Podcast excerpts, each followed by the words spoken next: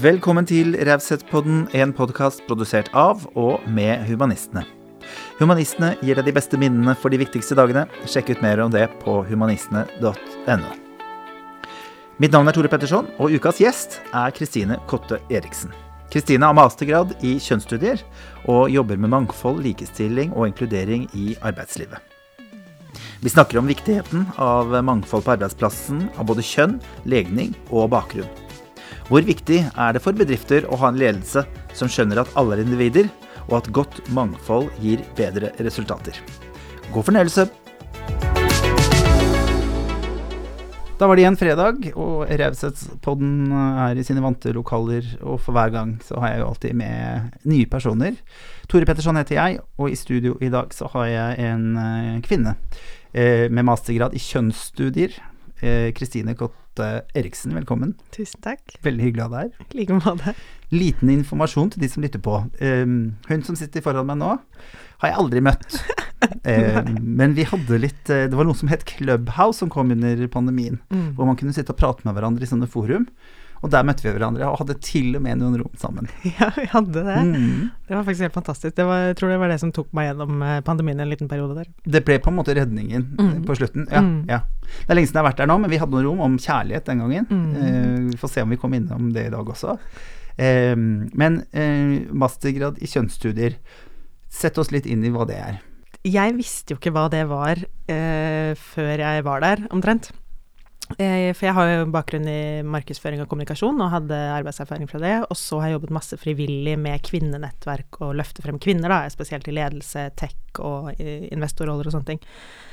Og så startet det vel egentlig for meg som at jeg ville gå fra det jeg holdt på med, markedsføring som ikke føltes så eh, meningsfylt lenger, til å faktisk satse på det som jeg virkelig fant ut at jeg brenner for, da. Og da tenkte jeg at studier var noe av det som kunne ta meg liksom videre i en ny retning. Og da søkte jeg på kjønnsstudier og kom dit og fikk granatsjokk fordi jeg tenkte at jeg kunne litt om dette her Ja. fra før. Det kunne jeg ikke. Det var du, ja. Det, men um, altså fra mitt ståsted så kom jo jeg på en måte fra næringslivet, skulle inn og lære mer om Egentlig få papirer på det jeg eh, allerede, Allerede tenkte at jeg Ja, kunne. Ja. Og jeg kunne nok litt om problematikk rundt det å få kvinner opp i, eh, i lederposisjon og sånne ting. Det, kan jeg, det kunne jeg litt om fra før. Det som eh, var mitt første fag der, det var eh, interseksjonalitet. Okay. Som egentlig betyr at som kvinne, så det er jo ikke én type kvinne i verden, på en måte. Fordi jeg også tenkte jo sånn, når jeg kjemper for kvinner, så kjemper jeg for alle kvinner. Mm. Det ikke slått, hadde ikke slått meg engang at kvinner med en annen hudfarge som kom fra en annen bakgrunn, kunne ha andre utfordringer enn meg, eller flere, da. Så det det egentlig betyr, er at du på en måte kan ha flere diskrimineringsgrunnlag oppå hverandre samtidig. Og det har jeg snakket med venner om Jeg trodde også. Eh, jeg hadde blant annet en venninne som eh, på et tidspunkt skulle velge om hun ville være med og jobbe for å få eh, ungdom med multikulturell bakgrunn inn i trainee-stillinger, eller om hun skulle på en måte satse på kvinnesak, da. Ja.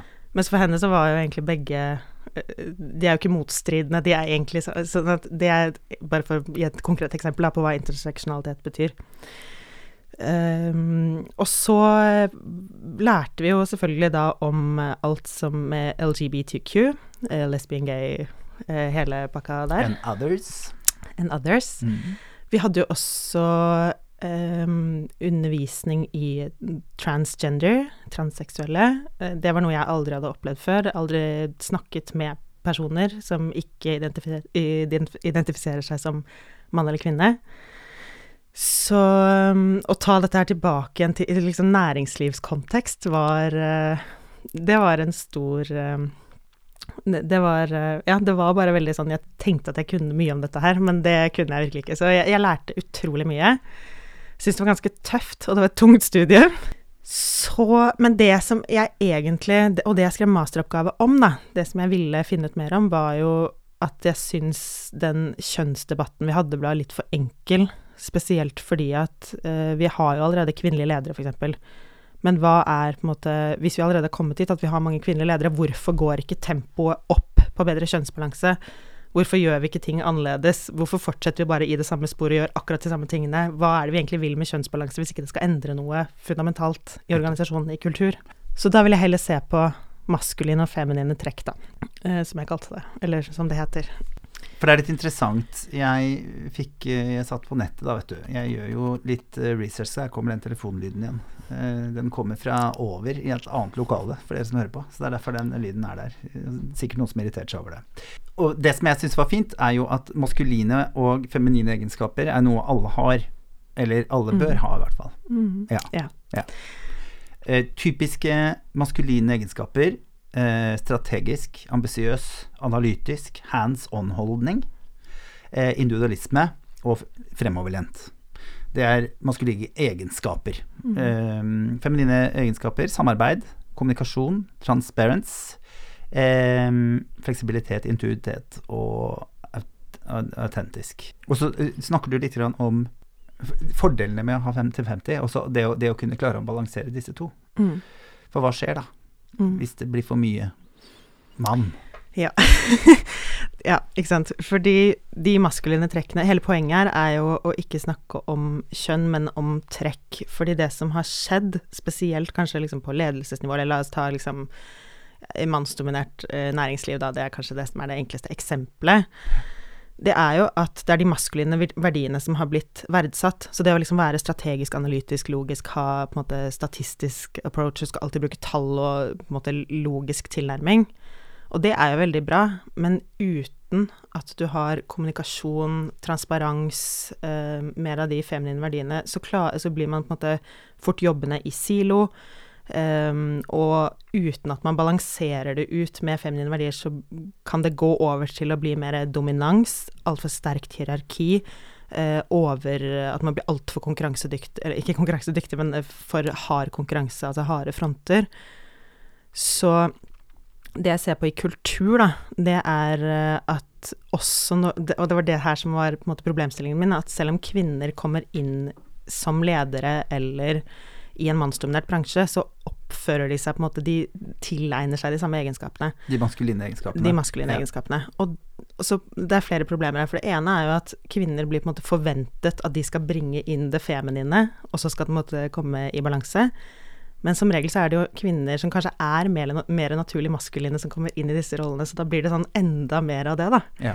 Uh, og en annen ting er hvis man på en måte forventer at kvinner skal være mer feminine, så må, måles ikke de på samme parametere. Altså da blir det ulik konkurranse ja, Man måles ikke på de samme Parameterne, på en måte? Ja. ja. Så Og da er det sånn, ok, hvordan skal man da få balanse? Hvordan kommer man dit at man kommer mer i balanse? Mm.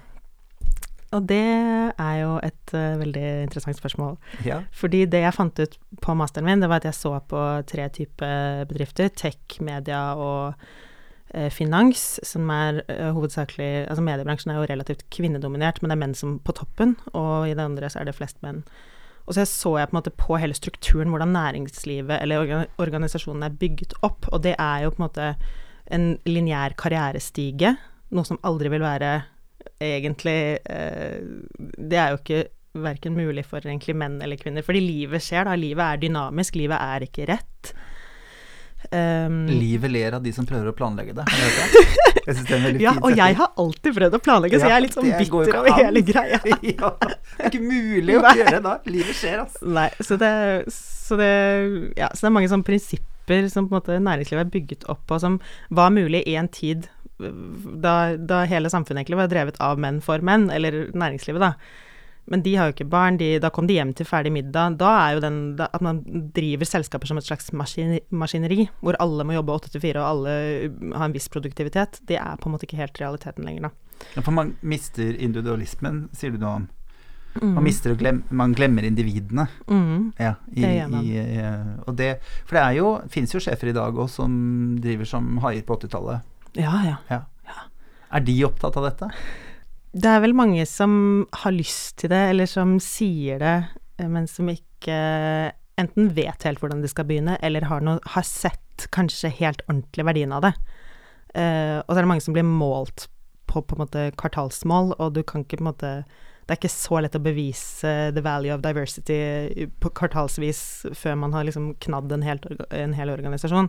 For det vi egentlig gjør, det er sånn ja, vi ønsker å rekruttere masse mangfold, eller vi ønsker å bli mer mangfoldige, Men så har vi en kultur som gjør at med en gang du, med en gang du kommer inn uh, nye perspektiver, da, så blir du på en måte fort bare satt tilbake i boksen. Det er sånn, sånn her har vi gjort det. Dette er den mest effektive måten å gjøre det på. Vi fortsetter dette maskineriet akkurat sånn som det har blitt gjort før. Og så, så dette er jo på en måte den eneste sånn ordentlige painen man klarer å forklare veldig enkelt, er at man ikke helt klarer å beholde talenter, da. Det er en pain som selskaper faktisk Ja. eh, ser på. De går videre inn i andre bedrifter. Det blir ikke attraktivt Nei. å være i bedriften. Kjønnsfordeling gir 15% økning eh, i Jeg vet ikke om man skal si omsetning, men i pro eh, altså produktivitet. Ja, eller det er i hvert fall gir bedre lønnsomhet. Ja, Mm. ja. Og etnisk fordeling øker med 35% Det er jo Mm. gode tall. Mm. Og det her tror jeg også er litt sånn Det, det her syns jeg er spennende, da. Fordi det fins veldig mye statistikk, og vi også. Jeg jobber jo i Quality Check, som er datadrevet. Ehm, det er spennende å se på en måte Ok, nå kan vi bevise det med data. Tenk så mye vi veit, og Ja, så lite vi bruker av det. Men um, spennende. Vi skal snakke mer om det. Jeg vil eh, bare starte litt med, for å bli litt sånn kjent med deg, hva er det du brenner aller mest for akkurat nå? Det jeg brenner for akkurat nå, det tror jeg er rett og slett å prøve å leve mer i balanse. For det syns jeg er vanskelig. Ja. Det er litt inn om dagen, og det er så fint. Mm. Mm. Uh, og så tror jeg det også Jeg syns det er vanskelig fordi jeg liksom hele tiden prøver å finne en perfekt balanse. Sånn jeg skal, jeg skal aldri bli sliten. Eller jeg skal, aldri, jeg skal alltid legge meg da og da. Altså, det blir så utrolig sånn Da blir det Lykke noe man til med det. Ja! Da blir det også noe man skal levere på, da. Ja. Men ehm, å prøve å Prøve å um, finne en bedre balanse mellom å jobbe hele tiden selv om man elsker jobben sin, og også gjøre finne tid til gøy. Det som er Det som bare gir glede og energipåfyll. Det er noe som eh, jeg har blitt mer og mer opptatt av. Har du noen eh, konkrete ting du gjør? Noe du har starta med som har gitt liksom, i hvert fall en eller annen form for en livslønn som funker, eller noe sånt? Ja, jeg, eh, jeg tror egentlig eh, først og fremst bevissthetsnivå er eh, kanskje det viktigste. Fordi jeg har liksom gått fra å bare jobbe og jobbe og jobbe og jobbe meg i hjel, til at uh, i fjor så hadde jeg seks måneder hvor jeg ikke jobbet i det hele tatt. Jeg hadde helt pause, som var det mest magiske jeg hadde gjort. Altså jeg, aldri, jeg følte meg som den verste rebellen, liksom, som, altså, som gjorde det. Det var helt utenkelig. Da, men det er jo på en måte at pendelen svinger litt sånn i andre enden igjen. Da. Så jeg trengte det veldig. Så mm, da jeg begynte å jobbe igjen nå i januar, så var det veldig sånn Yes, tilbake igjen! Og da er det så fort å komme, å, å komme tilbake i gamle spor. Da, men en ting som jeg da har tenkt på mange ganger, det er sånn For eksempel mat er noe som jeg bare er sånn Ok, må jeg bare Jeg må bare bli mett. Det er ikke noe jeg har brydd meg om så veldig. Jeg må bare Så det er å nyte mat, eksempel. Ja. Å ta seg tid til å spise, hvor viktig det er. Og ikke fly mellom møter og ikke ha tid til å gå på do og bare Ja, jeg tar det senere. Altså. Det er jo det som Det er jo de små tingene hver eneste dag som gjør at man blir sliten til slutt, på en måte. Mm. Så ta seg litt bedre tid til ting. Nyte maten, nyte sol, nyte På veien hit så var det sånn kjempefint tre med sånn påskeegg på. ja. Som jeg tenkte sånn jeg, har, jeg, har liksom Jeg skulle egentlig være her klokka fem, men så bare Men det er så fint. Nå tok jeg liksom, så tok jeg med de ti sekundene for å ta det bildet, da. Så fint. Så veldig sånn småting, men det gjør, eh, det gjør faktisk litt med livskvalitet. Altså å ta seg tid til sånn Mm. ting som ikke er produktivitet, rett og slett. Nei, det høres vidunderlig ut.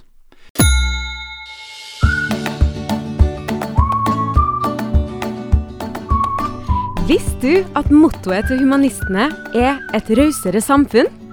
Vi tror at ved å samle alle humanister, uavhengig av tros- eller kulturell bakgrunn, kan vi sammen skape et rausere samfunn der god dialog skaper mindre polarisering, at vi sammen kan styrke menneskerettighetene, og at vi sammen kan ta vare på miljø, naturen og alt liv rundt oss. Du kan enkelt bli medlem i dag ved å gå inn på våre nettsider humanistene.no. Medlemskapet er gratis, og du er hjertelig velkommen til vår rause og inkluderende bevegelse.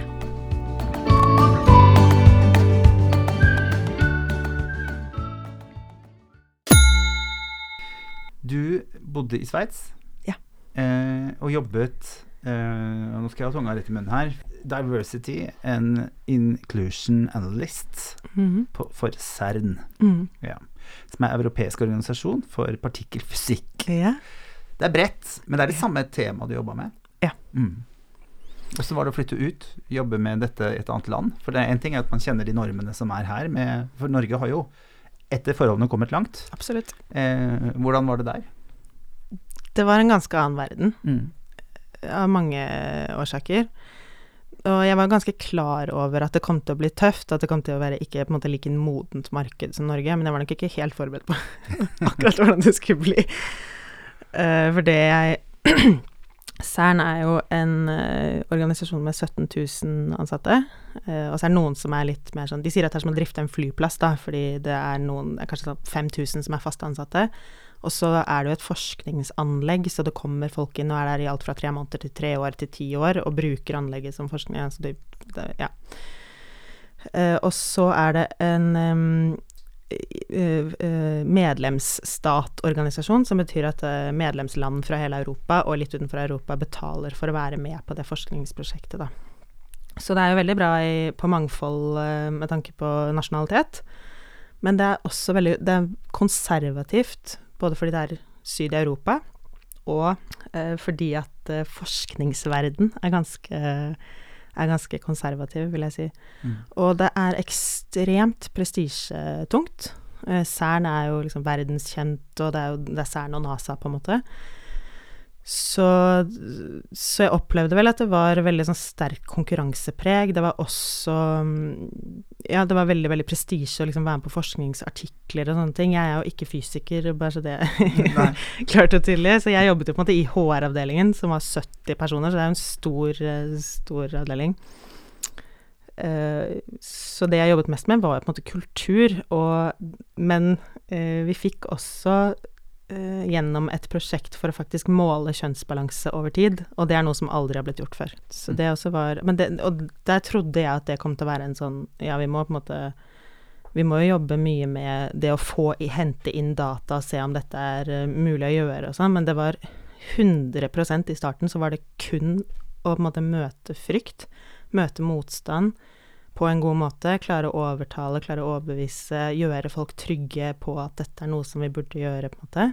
Og det føler jeg er mye av jobben når man jobber med mangfold og inkludering også, er å møte frykt på en god måte. Eller ja, motstand, da. Men jeg tenker i forhold til den jobben du har nå, du jobber i B2B. Mm. Og jeg tenker, for dette her er jo viktige ting å, å ta tak i. Mm. Fordi det finnes jo i alle bedrifter, Mm. eh, dette med at det har vært mye menn.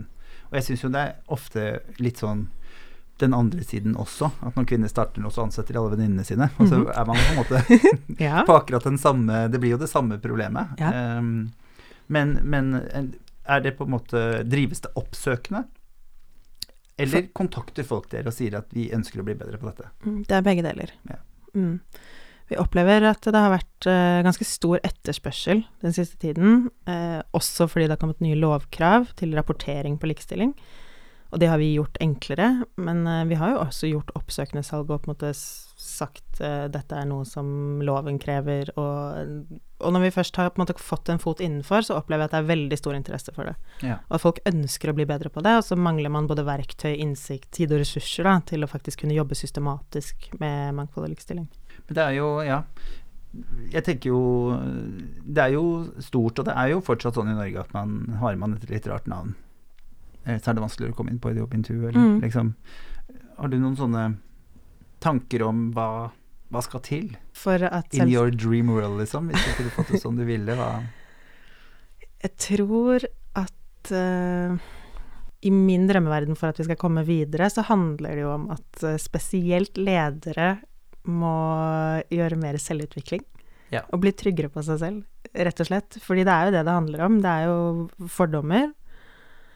Eh, og så er det også sånn at nye perspektiver utfordrer måten vi gjør ting på nå, og det er jo en grunn til at vi gjør ting på måten vi gjør nå. Det har vi testa ut lenge, og det funker, og markedet vi Det er som om vi liksom Ja, ja, vi kan jobbe med dette, men vi er jo fortsatt lønnsomme sånn som vi holder på nå. Så det er ikke Og så lenge man jobber på en måte i en kapitalistisk verden, da, man skal tjene penger, så skal det mer til å forstå liksom business-casen eh, for diversity, da.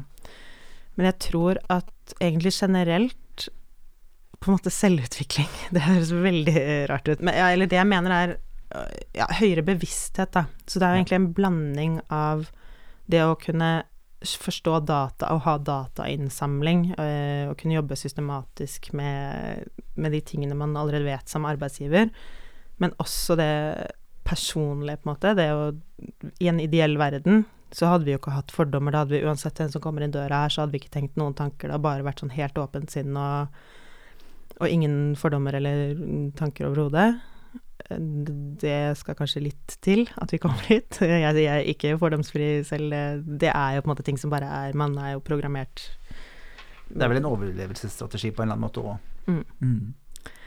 Men jeg tror i hvert fall det, at øh, økt bevissthet, og, og, og spesielt blant ledere, fordi det bedriften blir målt på, det er det folk vil levere på. Mm. Og når ledelsen viser at de bryr seg på ekte For én ting er hva de står og sier, det skinner igjennom. Jeg tror det er liksom som med barneoppdragelse, at hvis pappa sier at det ikke er greit, men uh, man gjør det likevel. Og det blir ikke av Nei, ikke sant. Ja. Nei, for jeg, jeg har jo holdt litt foredrag, og jeg opplever jo ofte at ledelsen sitter litt sånn fornøyd med seg sjøl i et hjørne. Nå har vi ordna et foredrag til disse folka som jobber her, og så sitter de egentlig ikke og følger med på hva jeg sier, de bare tenker sånn Nå må dere høre etter her, liksom. Og, så, og jeg pleier å stoppe opp litt da, og være litt sånn Nå, må dere, nå snakker jeg til dere, liksom. Jeg tenker det er litt sånn viktig. Veldig opptatt av liksom hvordan lage en god arbeidsplass. Mm. Er det mulig? Nei.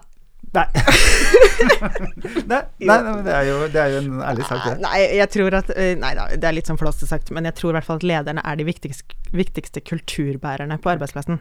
Og så kan man jo si ok, hva er dårlig, hva er bra? Eh, og det vil alltid være delte meninger om det. Men det er liksom postrommet vil jo aldri bruke tid på equality, på en måte. eh, og likestilling hvis ikke toppen har gitt de beskjed om å gjøre det. Det er noe Nettopp. med arbeidsoppgaver man får. Nettopp. Mm.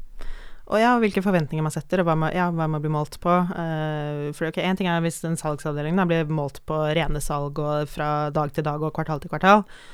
Det Hvis man da ikke blir målt på, på måte kundeservice, eller hvor mange som kommer tilbake igjen, hva slags produkt, om de fikk riktig produkt, altså alle disse tingene som gjør at man er fornøyd, da. For én ting er hardt salg, liksom, en annen ting er jo ok, hvordan eh, behandler du dine ansatte, hva er det andre ja, eller, eller medarbeidere, da, eller eh, er det seksuell trakassering på arbeidsplassen? Klarer man å Altså, det er så mange ting som spiller inn. Skape fellesskap. Alle må jobbe mot samme mål. Mm. Ha liksom et, eh, en felle, et felles ønske, er det ikke egentlig det? Mm. Mm. En felles visjon. Ja.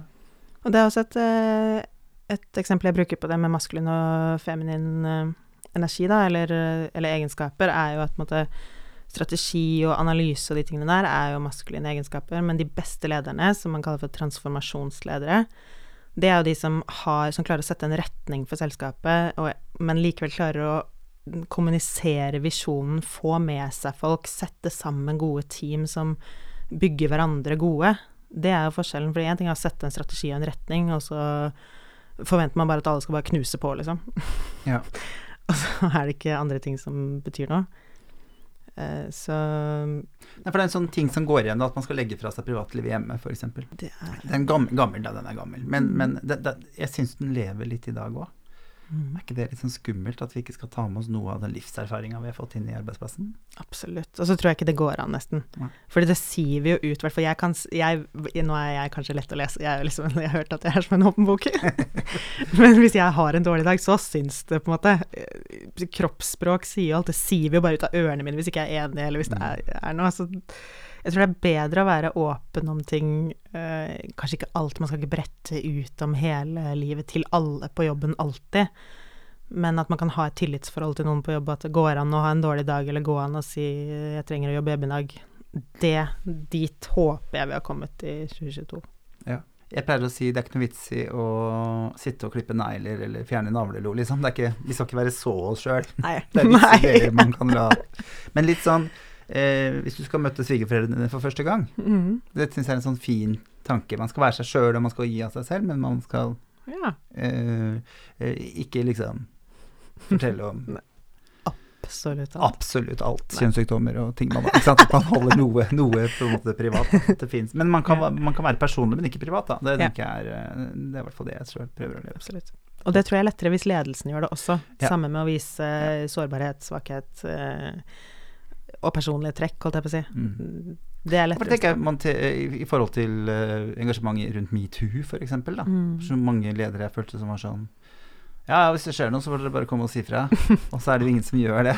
Min dør er åpen, bare det er jo ikke en åpen dør. Nei. Jeg mener at man starter med å si 'jeg har vært på julebord', Mm. Uh, håper ikke jeg har gjort noe gærent, Mm. liksom. Ja, ja. Men har jeg gjort det, så vil jeg ta det ansvaret med en eneste gang. Og så, ja. Mm. Ja, for det har jeg faktisk også sett tilfeller på steder at uh, folk ha, Vi har en rutine for varsling, men det er ingen som vet hvor den er. Eller, ja, men altså, det er en annen, annen ting igjen, da. Mm. Men hvis man opplever akkurat det vi snakker om nå, da. Ha, Mm. Fins det noen sånn klagenemnd for dette, liksom? Går det an å si fra på min jobb, så opplever jeg at det er skjærbalanse. Mm. Både mm, eller etnisitet og kjønn og legning og Jeg tror man egentlig er lovpålagt å ha det, eller sånn Jeg vet ikke om du bryter loven Jo, det tror jeg kanskje man gjør, faktisk, eh, hvis man ikke har det. Så man skal jo ha en rutine på Eller varsling og whistleblowing og sånn. Men hvor eh, på en måte implementert den er, eller hvor godt kommunisert den er, og den dagen det skjer, hvor godt trent er lederne til å ta det imot. Jeg tror kanskje der det skorter. Hvis ikke det skorter på det derre Ok, hvor skal man faktisk henvende seg? Så hender det også at det skorter på, på måte hvordan gjør man når man tar imot denne typen saker, for det er ikke bare bare. Eh, Så jeg tror på seksuell trakassering så er det også et problem hvis man bare har ett ledd man kan henvende seg til, og det er lederen din. Hva hvis det er lederen din som trakasserer? Ja. Um, Marie Louise Sunde, som er uh, grunnlegger av vårt, uh, eller av Equality Check, uh, hun avdekket jo også på, en måte, på sykehus, for det første, hvor, stor, hvor stort problem seksuell trakassering var, spesielt blant ledere, eller leger og assistentleger. Ja. Uh, på sykehusene så var det altså jeg tror sånn, holdt jeg på å si Normalt sett så, er det, så opplever 5% av kvinner i arbeidslivet uh, seksuell trakassering. På sykehusene var det 20 Så det er ganske ganske drastisk uh, Det er Ja, ganske det er mye mer, ja. dramatiske tall, ja. Mm. Og, og der er det også sånn at hvis du hvis du velger å ikke, gå, å ikke gå til leder, eh, nærmeste leder hvis det er det som er tilfellet, at det er han eller hun som eh, trakasserer, så kan du gå til leddet over. Men når de får beskjed, så er deres Det de er pliktig til, er å gi beskjed til den lederen det gjelder. Og da er det på en måte ord mot ord, da. Ja. For da skal de på en måte ha tilsvarsrett. Men da er det jo Og den lederen er jo den som bestemmer når de skal få turnus, eller når, ja, hvilken turnus de har, når de har fri, om de får fri, eh, hva slags vakter de får. Så de er helt avhengig av den lederen. Så ganske mange, og det er bare ett eksempel. Man blir ganske syk av å ha ledere som ikke fungerer. Det blir man. Er det nok fokus på det, liksom? Det kan jeg ikke på en måte si noe om på generell basis, men eh, jeg personlig mener jo det, ja. At eh, det tror jeg er et større problem enn man tror. Og man sier jo det at man forlater jo ikke en god jobb, eller men en jobb, du forlater jo en dårlig leder når man slutter. Ja, ikke sant. Um, negative egenskaper. Aggressiv, heraisk, hieraisk, eh, dominant, eh, separerende. Serosum. Mm. Forklare. Ja. Dette er ord eh, du har sagt i ditt foredrag, skjønner du. Så jeg satt og fulgte med. Og maktspill, da, som er den siste der, som er de negative maskuline egenskapene. Ubalanserte. Ja. Eller hvis det, er, hvis det er ikke balansert med feminine, så kan jo de maskuline e- egenskapene gå over i sånne ting. Uh, zero sum, eller nullsumspill, det betyr egentlig at man er på en uh, for eksempel en arbeidsplass hvor man uh, tror at det ikke er nok til alle. Sånn at uh, min suksess vil gå på bekostning av din. er egentlig det, betyr, okay. det det betyr. Og det tror jeg egentlig er ganske beskrivende for mange arbeidsplasser. Som eh, Hvor det er sånn Hvis én får opprykk, så, blir, så er det på en måte negativt for de andre, da. Eller Mm. det er bare plass til én. Og, og at man spiller folk opp mot hverandre, eksempel. Sånne ting. Det er ikke nødvendigvis på en arbeidsplass, men det er jo et, slags livssyn eller egenskaper man har, da. Mm. Men er, er man flink til å være transparent, syns du, i bedrifter eh, du har vært i, eller hørt om? Det er en åpen, for det er mange som sier det, vi er en åpen bedrift. Er det, Det er veldig, veldig er ikke det bullshit? Tok jeg det personlige ordet? Ja. Jeg tror det er eh, Jeg tror det er veldig varierende. Det er veldig varierende modenhetsnivå. Noen er veldig sånn Yes, vi vil vite alt, og vi skriver alt åpent i, åpent i rapportene våre. Og så er det noen som ønsker å være mer transparente, som ikke har kommet helt dit. Og så er det mange som ikke vil i det hele tatt, som ikke er klare for det, da. Eh, og det handler kanskje også litt om at man ikke vet helt hvordan man skal håndtere det, eller eh, det, Jeg tror ikke alt er vond vilje. Det tror jeg ikke. Nei. Mm, Men jeg tror det handler mye om umodenhet, eh, og at man kanskje ikke vet helt hvordan man skal svare på ting, og kanskje ikke har så lyst til å se på det heller. For det som slår meg, er jo for det, det, å, det å melde ifra, da. Det å være den som sier ifra, det koster jo ganske mye. Mm. Ja. Enormt. Jeg tenker kanskje det glemmes litt. Mm. Ja, ja, ja. Sånn, hvis du Eh, melder ifra om seksuell trakassering, f.eks., at det er ikke noe sånn man bare stikker innom kontoret og slenger fra seg på en fredags ettermiddag, liksom. Det er, det er en lang prosess. Absolutt. Det var det jeg syns eh, hashtag metoo var med på å eh, gjøre seriøst, da. Og avdekke hvor stort problem det var, eller er.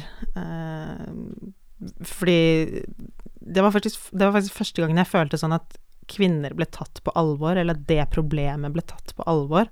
Fordi man Jeg føler at før så var det mye, større, mye større rom for å liksom kødde med det, eller sånn ja, det burde du tåle, på en måte, eller det er bare en del av arbeidslivet. Eller det er bare noe man må tåle, på en måte. Eh, eller at man alltid blir stilt veldig spørsmål, eller satt Altså blir satt spørsmålstegn ved at man blir sånn question, da. At er dette egentlig noe du bare opplever, på en måte, eller er det Hvem skal man tro på, på en måte? Fordi det er bare for, for ubehagelig å takle. Ja. Så det å si fra om seksual, seksuell trakassering, det tror jeg ikke man skal kimse av at det er en tung byrde. For det, ja, det, dette er jo et veldig sensitivt tema, og selvfølgelig så er det tilfeller hvor kvinner bruker sin på en måte posisjon til å anmelde, anmelde feil. Mm, Ja, mm.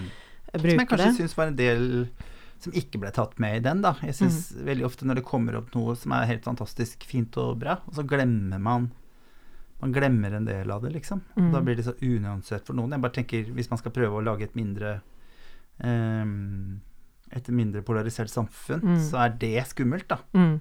Ja, det er jeg helt enig i, og det var jo det som mange også mente jo at hashtag metoo gikk for langt. Eh, jeg tror at hashtag metoo også var en sånn på en måte en sånn boble som sprakk. Ja. Det var bare sånn Alt som noen gang hadde skjedd av seksuell trakassering, av historier, av dritt og møkk som folk satt inne med, det var bare sånn Nå skal det ut, en gang for alle. Og selvfølgelig er jo det bare for, for folk som ikke liksom har hatt dette på radaren i det hele tatt, så var det, bare helt overveldende. Det høres ut som det skjer hele tiden, hver dag, alt jeg gjør er feil.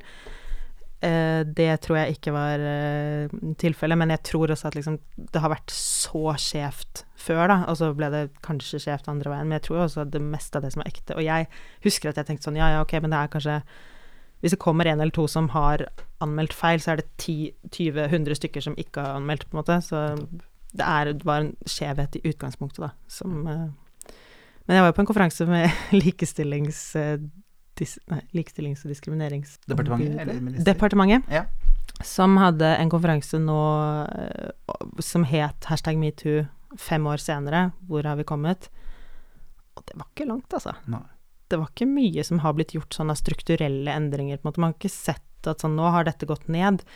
Men jeg husker også jeg jobbet med, med et selskap som ville finne ut mer om seksuell trakassering, og, og hvordan måler man egentlig at man har blitt bedre på det?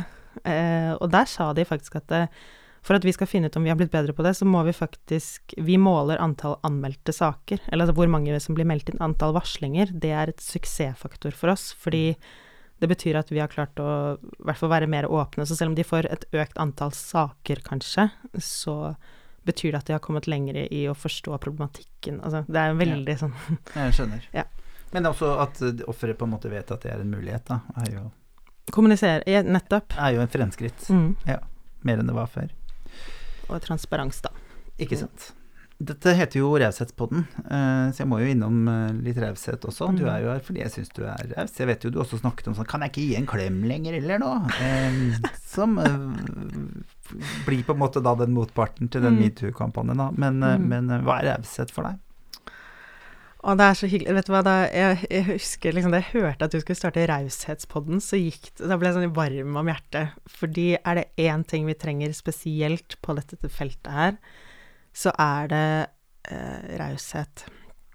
Det er Det er så Fordi uansett hva man gjør, uansett hva man sier, så blir det så blir det feil, eller man kan bli tatt på ting, eller det er alltid noen som, er, som blir fornærma eller skuffet, eller og, og det er på en måte helt greit, man skal hele tiden forbedre seg, men jeg må si noen ganger så tenker jeg sånn Vi må bare ha litt tålmodighet med hverandre og være rause, og jeg tror i hvert fall i den diskusjonen her så må man bare ha tålmodighet med at folk prøver seg frem og gjør dumme ting og sier dumme ting. Man skal ikke akseptere alt, selvfølgelig ikke, men å angripe ethvert godt forsøk, da. Det, er, det blir liksom så dumt. Men jeg tror eh, sånn generelt, da. Raushet for meg er um, vennlighet. Eh, kanskje faktisk litt tålmodighet, ja, er det jeg forbinder med det. Eh, åpenhet. Å kunne være um, litt tilgivende, kanskje. Mm, Du har sagt litt om det før, men hvor raus er du med deg selv? Eh, ikke så veldig alltid, kanskje. Jeg er nok litt streng. ja. Jeg tror man alltid kan bli rausere Eller mann, sier jeg da. Jeg kan sikkert bli rausere med meg selv. Du har jo begynt Ja. med å stoppe og ta bilde av påsketre. Syns jeg var Ja. veldig fint. Jeg likte det veldig godt. Hvis man skulle startet og blitt et rausere og bedre menneske i morgen, hvilket uh, tips ville du hatt på førsteplass? Nå må jeg starte med meg selv, da. Mhm. For jeg tror jo mer på en måte skjønnhet og vakkerhet man ser i seg selv, jo mer ser man det rundt seg også. Man velger litt sitt eget verdensbilde. Ja. Og det er også det jeg mener når man jobber med mangfold og inkludering også, at vi har absolutt ikke kommet langt nok, vi skal fortsette å jobbe. Men se, i hvert fall jeg, jeg Dette tenkte jeg altså på før jeg kom hit, at eh, når jeg ser alle de selskapene som kommer til oss, og som ønsker å jobbe videre, og så sitter veldig mange og er sånn 'Å, herregud, unnskyld, liksom, at vi, vi har ikke fått jobbet med dette her så mye, og vi har kjempedårlig tid', og Men så bruker de også anledningen til å virkelig sette det i system, ta de første skrittene, utfordre ledelsen. Det er jo ofte HR som blir sittende som ansvarlig, holdt jeg på å si, syndebukk og skal rapportere på dette her, ikke sant. Uh, og så ser jeg bare all den måte, gode efforten. Det er så mange ting som er på plass allerede. Um, så jeg har jo også tenkt sånn Det er ikke alltid så lett å være liksom lyset og, og klare å holde motet oppe når det er så mye sånn eh, det blir, ja, det har jeg også tenkt sånn, det er viktig for meg, å klare å holde motet oppe, fordi vi kan snakke om alt som går gærent så mye vi vil, liksom nok av beviser på det, men hvis du velger det verdensbildet, så blir det slitsomt også, altså. Ja, vi har jo kommet inn i veldig sånn cancelled Mm. tid, da. Mm. Som jeg vil si er det motsatte av raushet. Enig. Vi sitter og venter på at andre skal feile. Mm. Enig. Hva er raushet for deg, da? Det er veldig mye av det du sier der. Nå har jeg jo lært så mye om raushet i denne Ja. podden, så um, for meg er raushet uh, akkurat det du sier, det der med å, å gi litt uh, Gi litt ekstra. Være litt tålmodig. Gi plass til å feile. Altså Mm. steder hvor du kanskje ikke har fortjent den godheten, at du får den allikevel. Da. Mm. Det tenker jeg Det var ei som sa at uh, ja, det, det er det som ikke Det er det du ikke forventa. Altså det der å eh, ta med blomst på bursdagen er raust, på en måte, fordi det er en forventet handling. Men å komme innom en dag hvor du bare hørte fra noen andre at det hadde vært en vanskelig tid, Ja. det er raushet. Ja. For det hadde du ikke behøvd å gjøre. Ja. Det er ikke forventet av deg. Så rausheten starter der, Mm. tenker jeg da. Mm. Mm. Enig. Vi har en rosa skål. Du skal få lov å trekke litt av den helt på slutten her. Der står jo våre verdiord, humanistene, em, som vi jobber ute etter, og også eh, våre 15 em, eh, bud, da, hvis det går an å kalle det det, i en ureligiøs sammenheng. Så du kan plukke opp en av de, Mm. og si det første som faller ned i hodet ditt eh, når du har sagt hva det er, da. Bare vær så god. Er det tilfeldig at den skålen her er rosa? Jeg fikk veldig sånn lyst til å Det er faktisk litt uh, tilfeldig. Jeg syns en rosa skål der synes det er fint. Den er veldig fin. Jeg har hatt gjester der som har gleda seg veldig til den rosa skåla. Ja. det jeg Veldig hyggelig. Ok, jeg plukket en lapp. Du gikk for den største gaven. Ja. Respekt. Ja. Fint ord. Mm. Veldig. Det tror jeg kanskje Kanskje det var noe jeg hadde manglet å si. Ja, så fint. Ja. eh, I hvert fall tilbake til det spørsmålet sånn i en ideell verden. Hva kan man gjøre for å bli et rausere samfunn? Det er kanskje å ta i utgangspunktet ha respekt for andre mennesker, da. Mm. Ikke agere på den umiddelbare følelsen man får når man ser noen andre som er ulik seg selv, f.eks. Eller også kunne respektere at andre Vi er uenige om dette, det respekterer jeg. Ha nok eh, respekt for seg selv eh, til å ikke motta dårlig oppførsel eller finne seg i ting. Tror du det også henger sammen, å ha respekt for seg selv og ha respekt for andre? Ja, jeg tror det. Jeg tror ikke du kan ha respekt for andre hvis ikke du har det for deg selv først. Alt du liksom kaster ut, handler om det hatet du har mot deg selv. Hvilken standard Mm. du har på deg selv. Så hvis Mm. man syns at folk gjør det for dårlig, så er det mest fordi at man har så høyt, innmari høy standard til seg selv, da. Tenker jeg litt på Aretha Franklin, da. Ja.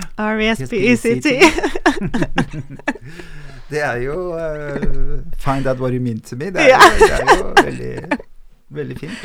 Ja, respekt er fint. Ja. Mm, veldig bra. Kristine Kotte Eriksen, tusen takk for at du kom i studioet mitt. Snakket om eh, feminine og, po og, positivt og negativt ved feminine og, og, og maskuline egenskaper. Viktig å si at det har vi alle sammen. Mm. Eh, noen mer enn andre, selvfølgelig. Eh, men men eh, flere ganger eh, Noen har syntes at jeg var mer maskulin enn de hadde forventa når de møtte meg. Og noen har syntes det motsatte. Kommer an på hvem du har møtt.